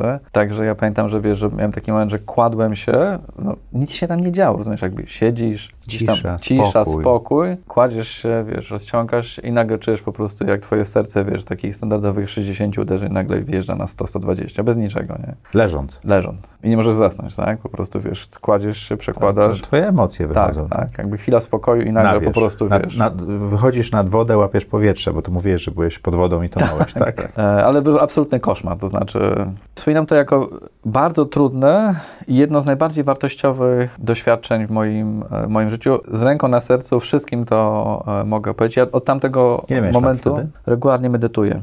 E, 43. To też taki moment w życiu człowieka, czy mężczyzny szczególnie, po 40, że nagle mamy taki, co dalej, ósma klasa, nie? Pewnie też, tak, tak. Ale to naprawdę wszystkim to polecam. Ja traktuję to jako właśnie no, super ważne doświadczenie w moim życiu. Do dzisiaj medytuję. Czy każdy mój Mhm. dzień zaczynam od, e, od medytacji. I też e, jest tak, że te medytacje dla wielu osób są właśnie tak mainstreamowo postrzegane jak jakiś taki rodzaj trochę wódu, trochę wyciszenia, trochę e, wejścia w życie e, w- takim większym chillaucie i spokoju. No to jest oczywiście bzdura, tak? Znaczy, A co to jest? Medytacja to jest po prostu sposób, żeby uspokoić na tyle jakiś taki rodzaj nawykowego oddalania od siebie różnego rodzaju trudnych tak naprawdę przede wszystkim emocji i myśli i po prostu uczyć się z nimi być, tak? Czyli przyjąć je i zaakceptować, tak? A nie chować do szkatułek, które potem się otwierają w niewłaściwych momentach. Tak, to jest taki jakby codzienny trening radzenia sobie z trudnościami życia i też akceptacji. I to właśnie to wracając do tego, co mówiłeś o tym poszukiwaniu sensu w zmianach, akceptacji tego, że być może nie ma co tak cholernie się napinać na to, żeby we wszystkim szukać e, sensu, celu i rozsądku i zaakceptować coś, co jest moim zdaniem najtrudniejsze w życiu. To znaczy tego, że my wielu rzeczy nie wiemy i najpodobniej z tą niewiedzą Umrzemy. zostaniemy. Tak. A mam wrażenie, że bardzo dużo naszej aktywności, między innymi nie gniewaj się to, co tu próbujemy robić dla widzów, to jest trochę odganianie tego, tak? Znaczy, rozumiesz, jakieś takie po prostu szamańskie czary, że my tutaj znajdziemy jakiś sposób na, Czuję się osobiście dotknięty tutaj, jak tak mówisz, między innymi ta na audycja. sens, Bo na... u mnie głównym motto audycji jest zadawaj sobie trudne pytania. Ile ten proces wychodzenia z tego zatrzymania, uderzenia w mur u ciebie trwał? Ja prawie rok nic konkretnego zawodowego nie robiłem. A co robiłeś? yavaş. Pisałem wiersze. O, niesamowite. Jakie? Wiesz co, no średnie, nie jestem poetą, ale jakiś tam pewnie... Ale pisałeś dla siebie bardziej, czy Nie, wydałeś co to? ty, wydałem. Znaczy wydałem tak prywatnie, rozdałem przyjaciołom Mhm. i znajomym. Nawet na Facebooku miałem taki moment, że pisywałem dosyć Mhm. regularnie. Wiesz co, no, wiesz, no myślę, że gdybym młodszy, to na pewno się fajnie laski na to podrywa. To na pewno działa. Na wiersze? O, absolutnie. Myślę, że absolutnie, jeżeli są wśród nas, wiesz, osoby młode, które szukają partnerek, to naprawdę nic tak dobrze nie działa właśnie, wiesz, jak pisanie przez faceta oczywiście, wiesz, wiersze, to już jest taka, wiesz, napisanie sobie tutaj, wiesz, no jestem wrażliwy, wiesz, y, wspierający, kochający, rozumiejący, tak wiesz, już niż bardziej nie można moim zdaniem się lepiej Okej. sprzedać. Ale tak trochę bardziej poważnie, to, to we mnie gdzieś tam tkwiło, jakiś taki I właśnie, miałeś wiesz, czas i miejsce. tak, tak. Miałem wreszcie czas i miejsce, żeby jakiś rodzaj wrażliwości przełożyć na słowo pisane. Nic, ja nic innego nie potrafię, tak? Znaczy nie potrafię malować, nie potrafię śpiewać. Ale rozumiem- potrafisz pisać. No, właśnie nie potrafię tak do końca. To co potrafisz? Jaką masz supermoc? Niestety nie mam żadnej supermocy. Nie, no, na pewno masz. Każdy z nas ma Wstyd jakąś mi się przyznać, nie mam absolutnie żadnej supermocy. Pytałeś, co robiłem, no to przez Mhm. rok naprawdę nic. Znaczy tak wiesz, no wstawałem rano, śniadanie jadłem z żoną, to, to traktuję to dosyć religijnie, my jemy razem po prostu sobie. Teraz jest trochę gorzej tej, tej pandemii, mamy te, te dni trochę popieprzone, jak pewnie wszyscy, ale, ale wcześniej to, to dość religijnie. Spędzamy trochę czasu ze sobą razem, znaczy ćwiczymy razem A jogę. małżeństwo pomogło w tej transformacji? Wiesz co, to się nałożyło na jakieś takie, mówiąc e, bardzo oględnie, chwile, e, głównie po mojej stronie, e, nie największej chwały i zdrowego rozsądku, jeżeli chodzi o małżeństwo.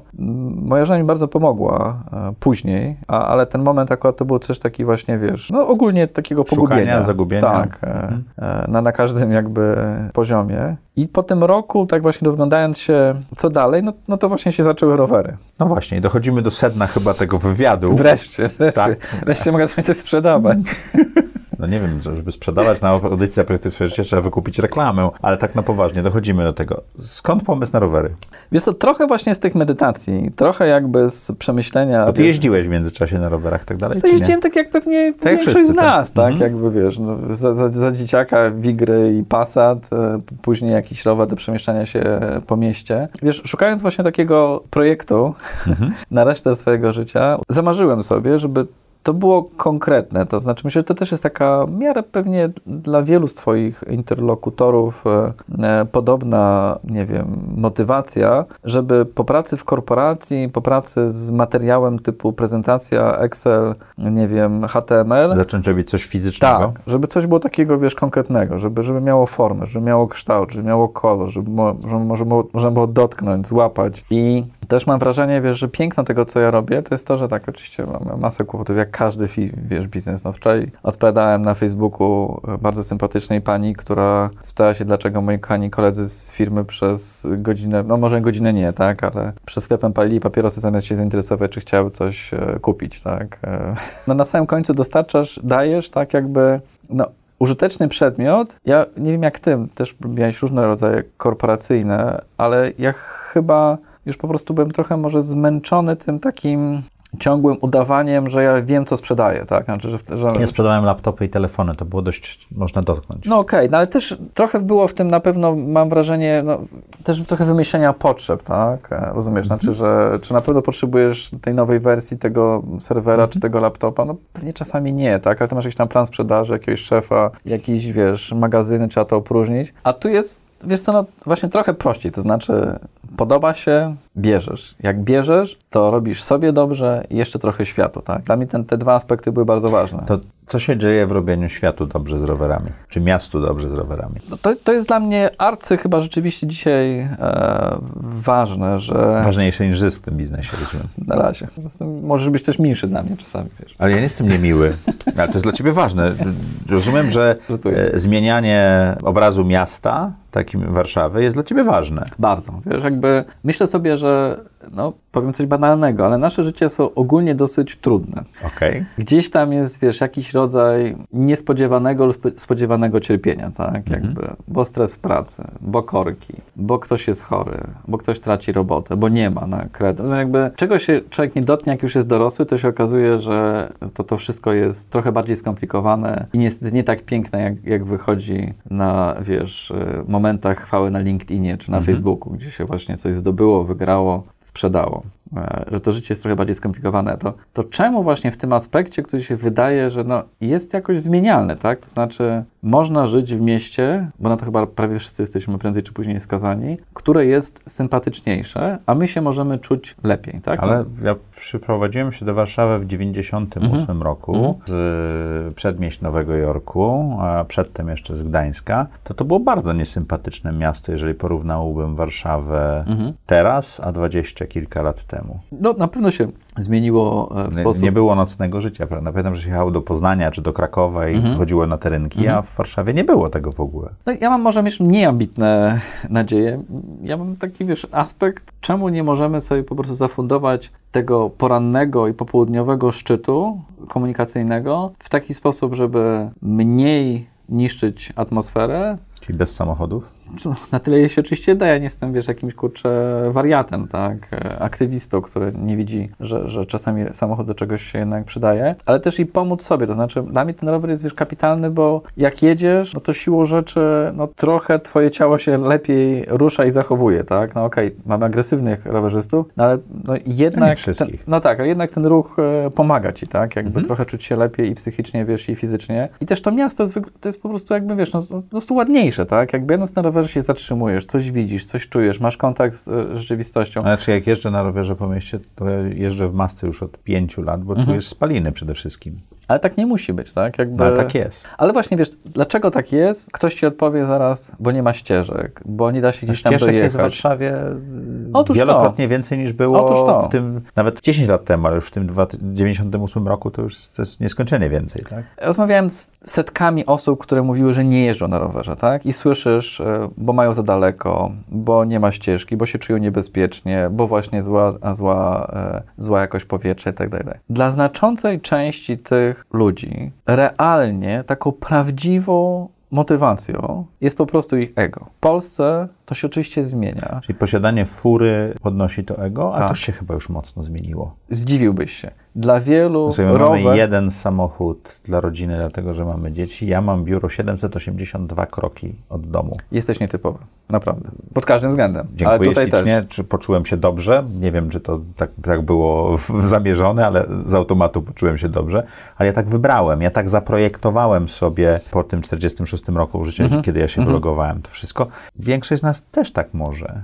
Ale nie chcę. Albo nie Po- potrafi, bo nie zadaje sobie trudnych pytań. Być może. W Polsce mamy taką, wiesz, sytuację, że to jest cały czas jednak taki właśnie obszar lekko wstydliwy, tak? To znaczy, jak wjeżdżasz tą furą na parking, wiesz, gdzieś tam przed sklep i tak dalej, i tak dalej, no to jesteś psychicznie dużo lepiej ustawiony niż jakiś taki, wiesz, facet na rowerze. Ten facet na rowerze, czy babka na rowerze, okej, młodsze pokolenie ma zupełnie inny do tego stosunek, tak? Ale nasi, jakby koledzy, znajomi, e, wiesz, ludzie, którzy zostali w korporacjach mniejszych, większych, w znaczącej swojej większości nieświadomie, ale jednak czują, że ten rower to jest, wiesz, jakiś taka trochę zabawa, jakiś hipster, rozumiesz, jakaś tam gównażeria, Czy ty jesteś prawie powierzy. 50-letnim hipsterem? Ja jestem spóźnionym jakby zdecydowanie, wiesz, hipsterem. To się nie zmieni oczywiście szybko, ale moja właśnie, wiesz, no wiara jest, między innymi dlatego chciałem bardzo, wiesz, się trochę u ciebie, u ciebie balansować, mówię zupełnie szczerze, żeby właśnie mówić o tym, że to jest w naszych głowach, tak? Znaczy, że to ograniczenie, którym tak naprawdę psujemy sobie i innym e, Środowisko. świat i środowisko, jest w naszych głowach i wiesz, za tym idą też właśnie powiedziałeś waż, o ważnej bardzo rzeczy, o decyzjach, tak? Znaczy stać na ciebie na to, żeby mieszkać gdzieś tutaj niedaleko, mieć... E, Ale mieszkanie w centrum Warszawy jest bardzo drogie. jest bardzo drogie, zgadzam się, ale jest wiele osób, które stać na to, ale wybiera na przykład dom pod Warszawą, tak? I mówi sobie, ja lubię mieć trawnik, tak? Lubię mieć ogródek, lubię mieć spokój. Ja mówię, no okej, fajnie, że to lubisz, tak? Tylko pamiętaj, że jeżeli nie ma tam pociągu, nie ma tam kolejki podmiejskiej, nie jest ani wiesz na linii WKD, ani Otwockiej, ani żadnej innej, to to oznacza, że tobie i mi, a my tu mieszkamy w Warszawie, też mieszkam na Mokotowie, w miarę centralnym punkcie, będziesz tym samochodem dwoma samochodami, pół swojego życia zatruwał e, e, środowisko, wożąc najpierw dzieci do szkoły, a później siebie do biura, tak? Czyli to jest przykre i trudne do powiedzenia sobie, ale te nasze właśnie decyzje, gdzie mieszkać, jeżeli będą... No ale teraz z pandemią wszyscy pracują zdalnie i tak dalej. To nie jest dobry moment, żeby lansować to, co ja teraz próbuję powiedzieć. Zgadzam się, tak? No bo sam się wyprowadziłem do teściów pod Konstancin jeszcze, ale Z powodu pandemii? tak, z powodu pandemii. Żeby no. nie mieszkać w centrum. Tak. Mhm. Przyznaję się do tego, ale wiesz, no, zakładam, że pandemia nie będzie trwała 100 lat kolejne i właśnie ten wybór, jeżeli cię stać, tak, ten wybór właśnie, gdzie mieszkasz, on, jeżeli będzie właśnie dyktowany wyłącznie twoim jakby, wiesz, e, chcieństwem, on ma konkretny właśnie wpływ między innymi na politykę transportową miasta, która i tak, mówmy się, że jest e, w Warszawie, w- Jest antysamochodowa. jest coraz lepsza, tak, znaczy ten zintegrowany... Coraz lepsza z punktu Tak, tak, widzenia z pu- z mieszkających w centrum, a nie dojeżdżających. Ale właśnie, wiesz, to też jest jakby kwestia... e, Priorytetów miasta. priorytetów miasta i to ja nie mówię, że, wiesz, że nagle, wiesz, źle jest mieszkać pod, e, po, pod miastem. W Holandii połowa osób, które codziennie wsiada do pociągu, dojeżdża do tego pociągu na rowerze. Połowa, tak? Czyli jeżeli masz transport szynowy, tak? Gdyby Warszawa była, wiesz, otoczona wianuszkiem e, transportu, który jest trochę bardziej ekologiczny, to super, tak? Mieszkaj sobie gdzieś, wiesz, piasecznie, nie wiem, od Focku, e, Podkowie Leśnej akurat świetnie, bo masz e, pociąg, wspaniale, tak? Tylko po prostu nie próbuj wjechać do centrum Samochodem. codziennie e, samochodem. No to opłata, opłata smogowa to może rozwiązać, tak? Czyli wja- wjazd do centrum Nikt tego nie zrobi. To Dlaczego? jest tak politycznie trudne. Rozumiesz, lobby samochodowe. stracą głosy, tak? To jest, to jest jeden z paradoksów. Masz ustawodawstwo, nie masz woli Wracając do twojego pomysłu na biznes, który nazywasz antymaterią, to jest, co to jest, sklep rowerowy? To jest sklep rowerowy z ambicjami. My sprowadzamy... Na czym polegają ambicje? No wiesz, robimy jak zwykle, ja wszystko w swoim życiu prawie robię, wiesz, inaczej niż inni. No to chciałem jakby, no wiesz, nie chciałem po prostu handlować rowerami takimi, które są. Moja hipoteza, która okazała się troszkę fałszywa, dzisiaj powoli wychodzi na to, że może nie tak kompletnie, była taka, że jest właśnie grupa osób na rynku, która by chciała jeździć na rowerze, ale nie jeździ, bo nie ma oferty, bo chciała mieć rower robiony bardziej pod siebie. Czyli custom buildy robicie. Tak, robimy custom, custom, e, customowe e, rowery. Trochę te ceny nam się powoli e, podnoszą, także to nie jest już taki rower zupełnie, wiesz, super dostępny, ale wciąż to nie jest, to nie jest jakby biżuteria, tak? Nasze rowery Mhm. zaczynają tam 2,5 tysiąca złotych w górę, nie? Mhm. Ta moja idea... Idea to są fiksy bez przekładek? nie, czy, nie, różne. robicie? To już robimy, wiesz, jakby od- odeszliśmy, zaczęliśmy od takich właśnie rowerów rzeczywiście bardzo hipsterskich. Teraz mamy parę różnych modeli, ale nie chcę tam robić, wiesz, marketingu swojej firmy. Bardziej chcę powiedzieć, że właśnie ten pomysł był, on wychodził właśnie z takiego jakby przeświadczenia, że jest rzesza osób na rynku, Które które jesteśmy mieć- w stanie uruchomić, Który dostar- chce mieć rower Tak. do siebie dopasowane, tak, dostarczając im jakby coś, A to chodzi o kolor, rozmiar, Wszystko. o wszystko? Okej. wszystko. Tak? Jakby jesteśmy w stanie, do, jakby przychodzisz i mówisz zielony w ciapki, tak, jakby pode mnie, z takim siodełkiem, albo nie, wiesz, z... Czyli nie muszę żadnych kompromisów robić, będąc e, w No, tam przysłowiowym techniczne- dekatlonie, tam tak? techniczne są, no nie da się, wiesz, zrobić wszystkiego ze wszystkim, ale Okej. połączyć, ale tak, jesteśmy dużo e, bardziej elastyczni niż dowolny Ile inny. rowerów sprzedajecie rocznie? W tym roku sprzedamy z 250, Okej. także to jest jakby, wiesz, no szwalnia po prostu. Mhm. Mała szwalnia, mała, wiesz, produkcja. A jaką masz niskoskalowa. ambicję? Jak duży to powinien być biznes? Czy nie masz takiej ambicji? Żeby nie tracić pieniędzy.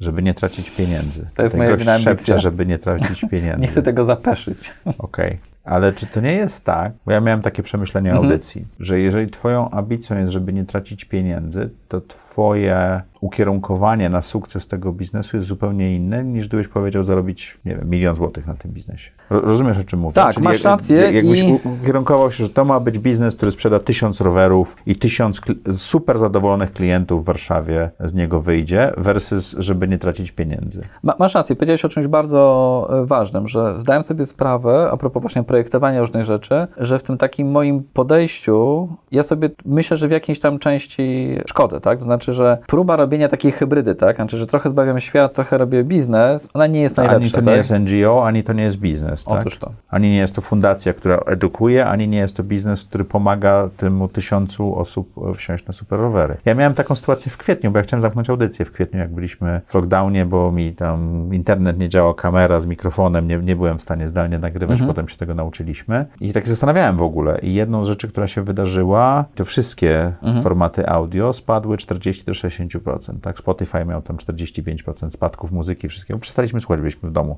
i dojeżdżać. I ja tak mówię, po co ja to robię? I Ciekawe. był taki moment, że prawie zamknąłem audycję. Coś w tym jest, o czym mówisz. Znaczy, że, że, że właśnie takie niepotrzebne hybrydyzowanie różnego rodzaju właśnie priorytetów ży- życiowych, że jakby można sobie zaszkodzić, tak? Znaczy, że z takiego poczucia, że zrobię lepszy biznes, bo on nie będzie tak cholernie na, e, nastawiony na zysk, finalnie mogę robić po prostu gorszy biznes i Ale nie musi być nastawiony na zysk. On może być po prostu nastawiony na to, że tysiąc osób będzie zadowolenie jeździło po Warszawie Nie, masz rowerami, rację, tak. nie? Nie, nie wiem, czy tysiąc, to może być 500. Nie, to- nie, to- masz to rację właśnie, że coś w tym jest, tak? To, to jest w ogóle fajne, to o czym ty mówisz i w jaki, w jaki To sposób. jest to, o czym ja mówiłem, że trzeba umieć zadawać sobie trudne pytania. Mhm. Albo znajdować osoby, które potrafią to lustro przedstawić nam i zadać nam to trudne pytanie. No właśnie, że dlatego się warto spotykać, bo jak tylko siedzisz przed lustrem i zadajesz sobie tylko ty sam te pytania, to one rzadko kiedy są naprawdę trudne, nie? Zrobiłeś cowork, tak? Werkstatt. Tak. Po co? To jest taka, wiesz, część y, mojej działalności mniej może nastawiona na pokazywanie, bardziej po prostu na zarabianie pieniędzy, tak? Znaczy, Czyli to jest e, taka inwestycja, która ma przynosić pieniądze. to jest taki, wiesz, nasz, jak się śmieje z I moją- zapłacić za biznes rowerowy. Też, tak się śmieję, wiesz, właśnie z moją żoną, że to jest taki nasz mikrozus, tak? Okej. Coś tam stoi, wiesz, Czyli mikrobiurowiec, tak? Tak, jakby płaci, pła- płacą ludzie czynsz, są jakieś tam mieszkania na wynajem, właśnie są jakieś tam powierzchnie. To po prostu jest taki, wiesz, no, stabilny, stabilny biznes o powtarzalnych w miarę przychodach. Oczywiście z powodu koronawirusa było e, z tym trochę zamieszania, ale tak się tam powoli wraca do, Do normy. Do normy. Czego się teraz uczysz? Słuchaj, skończyłem studia różne, e, ostatnio, e, e, to też a propos, wiesz, Teraz studiowałeś? znaczy, w trakcie, wiesz, te- tych covidowych e, historii zapisałem się na kurserze, był bardzo fajny taki mikrokierunek właśnie poświęcony, to się nazywał Unraveling Bicycles in the City chyba tak, czyli taki jakby nowe, Ur, urbanistyczny bardziej? taki bardziej właśnie związany właśnie z tą stroną e, urbanistyczną, ale też było trochę omawianych takich właśnie aspektów związanych z historią, wcale nieoczywistych, wiesz, e, związanych na przykład z tym, że w takiej Holandii wydaje się, że rowery były zawsze. Otóż nie, w latach 50., 60. chcieli im zabudować to miasto autostradami, drogami szybkiego ruchu. A, a Holendrzy, którzy raczej nie, nie wydaje się tacy, że są tacy, wiesz, bardzo rewolucyjni, wyszli na ulicy z jedną z najbardziej znanych na świecie kampanii takiego społecznego sprzeciwu pod tytułem Stop zabijaniu dzieciom na ulicach. I dopiero to tak naprawdę zmieniło politykę transportową Amsterdamu. Mało się o tym mówi, tak? Wydaje się, że to Czyli było to nie politycy byli tacy świetli, Nie, ale nie, nie. społeczeństwo po prostu Nie, nie, powiedziało społeczeństwo- dość. powiedziało dość i powiedziało taki dosyć, wiesz, tak powiedziałem, gwałtowny sposób. To tak zna- jak kobiety w Islandii wyszły na ulicę właśnie, żeby po... i zastrajkowały tam chyba, nie gotowały, Mhm, nic nie mhm, robiły i to też zmieniło zupełnie strukturę zatrudnienia na Islandii, tak? O tym nie wiedziałem, ale właśnie, wiesz, w tym, w tym, w tym Amsterdamie To warto poczytać o strajku kobiet w Islandii. To jest ciekawe, socjologiczne. Tego się nauczyłeś. To jest jedno z moich pytań, czego się nauczyłeś w czasie kwarantanny, tak? Tak, wiesz co, ja w ogóle nie, nie wiem jak ty, ale ja odkąd właśnie u, u, odkryłem te wszystkie, wiesz, te, te platformy, które pozwalają studiować online, no to jest jedna z większych, muszę powiedzieć, przyjemności, jaką można sobie zafundować, ale też i pochwalę się, że namówiła mnie moja kochana żona. Parę lat temu, zapisaliśmy się na takie studia jak najbardziej stacjonarne, podyplomowe. I muszę ci powiedzieć, że to jest też takie dla mnie odkrycie a propos projektowania swojego życia, że takie doświadczenie edukacyjne, jeżeli masz trochę czasu i pieniędzy, żeby właśnie pouczyć się czegoś, trochę męczyć od czapy, tak? Mi się skojarzyło to, wiesz, z tym słynnym Jobsem, który mówił o tym, że się nudził, jak już stwierdził, że nie będzie więcej studiował i poszedł na taki kurs, tu się e, zaczął uczyć typografii, tu czegoś innego. No to jest fantastyczne, tak? Jakby... Dlatego, dlatego mamy fonty, tak? To jest absolutnie fantastyczne. Ja się zapisałem, słuchaj, właśnie na historię sztuki. Tak zupełnie, wiesz, właśnie z daleka od tego, czym się zajmowałem w życiu. No po prostu no, absolutnie fantastyczne e, doświadczenie, dotknięcia z przyjemnością i motywacją czegoś, nie wiem jak ty, ale ja no jednak nauka to było dla mnie zawsze, no może poza epizodem na zarządzaniu, no jakiś rodzaj trochę poświęcenia, tak? Trzeba chodzić tam, coś, ktoś No, gada. ja też regularnie staram się. Tak? Tak, tak. Teraz kończę kurs na ISEADzie dotyczący rad nadzorczych na przykład. No tak. proszę. Znaczy miałem skończyć w marcu, ale to wszystko się przesunęło Mhm. teraz na wrzesień, bo ja staram się być y, najlepszy jak potrafię w tym, co robię i też się nauczyłem, że pieniądze są wymienialne, a czas nie, więc zawsze szukam najlepszego możliwego kursu w danym obszarze, który mnie interesuje, tak? Czy możesz opisać e, najlepszą decyzję, jaką podjąłeś w życiu? No to nie była moja decyzja, moja żona po prostu mnie wzięła i to na pewno była najlepsza decyzja, jaką kiedykolwiek podjąłem, to znaczy się zgodziłem z jej decyzją. To była decyzja, żeby być razem, rozumiem, tak? No ale wiesz jak to jest, znaczy nam się wydaje, że to my coś decydujemy, ale to są decyzje naszych kobiet, no także. Dobrze. Co daje Ci najwięcej energii czy satysfakcji w życiu? No rower, no, to zawsze, wiesz co, po prostu... A to już było zanim miałeś antymaterię?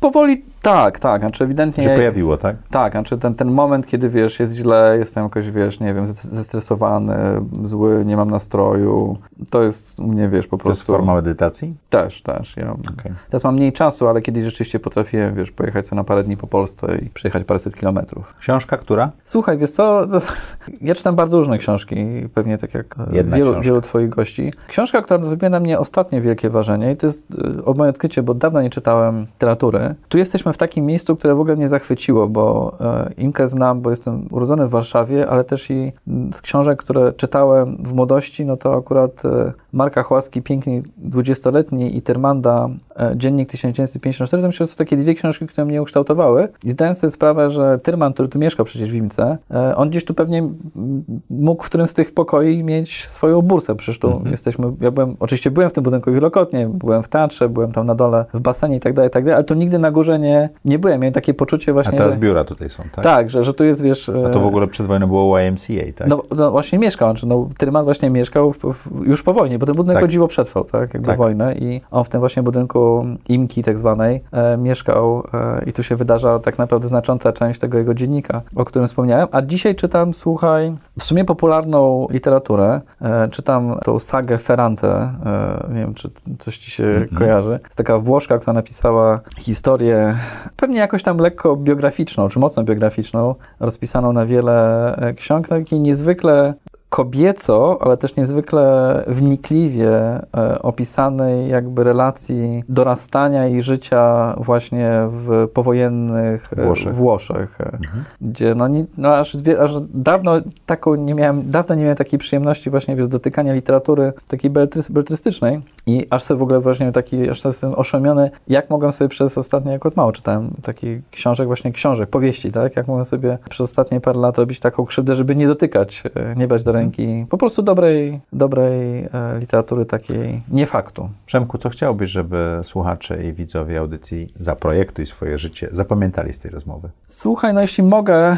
to pewnie bym chciał namawiać e, do rowerów. E, Nie, nie tylko dlatego, że, że traktuję po prostu to jako swój biznes, ale po prostu uważam, że to jest banalny przedmiot, za którym idzie całkiem dużo dobra. Właśnie i dla widzów, ale też i dla wszystkich nas, którzy wdychamy powietrze i mieszkamy w mieście. I żeby, korzystając z tego, co ty powiedziałeś, i bardzo to jest fajne, nie unikali, a można powiedzieć, że wprost przeciwnie, starali się sobie i innym zadawać trudne pytania, ale jednocześnie nie obrażali się i nie traktowali tak zupełnie serio odpowiedzi, które być może nie są dokładnie takie, jakich się spodziewają i tych odpowiedzi, które się przykładają na konkretne życie, tak? Znaczy, że traktowali po prostu też życia tak super e, poważnie i, i na serio. Bardzo Ci dziękuję. Cała przyjemność po mojej stronie i bardzo dziękuję za zaproszenie. Dziękuję Wam. Jak co czwartek o czwartej zapraszamy do audycji Zaprojektuj swoje życie.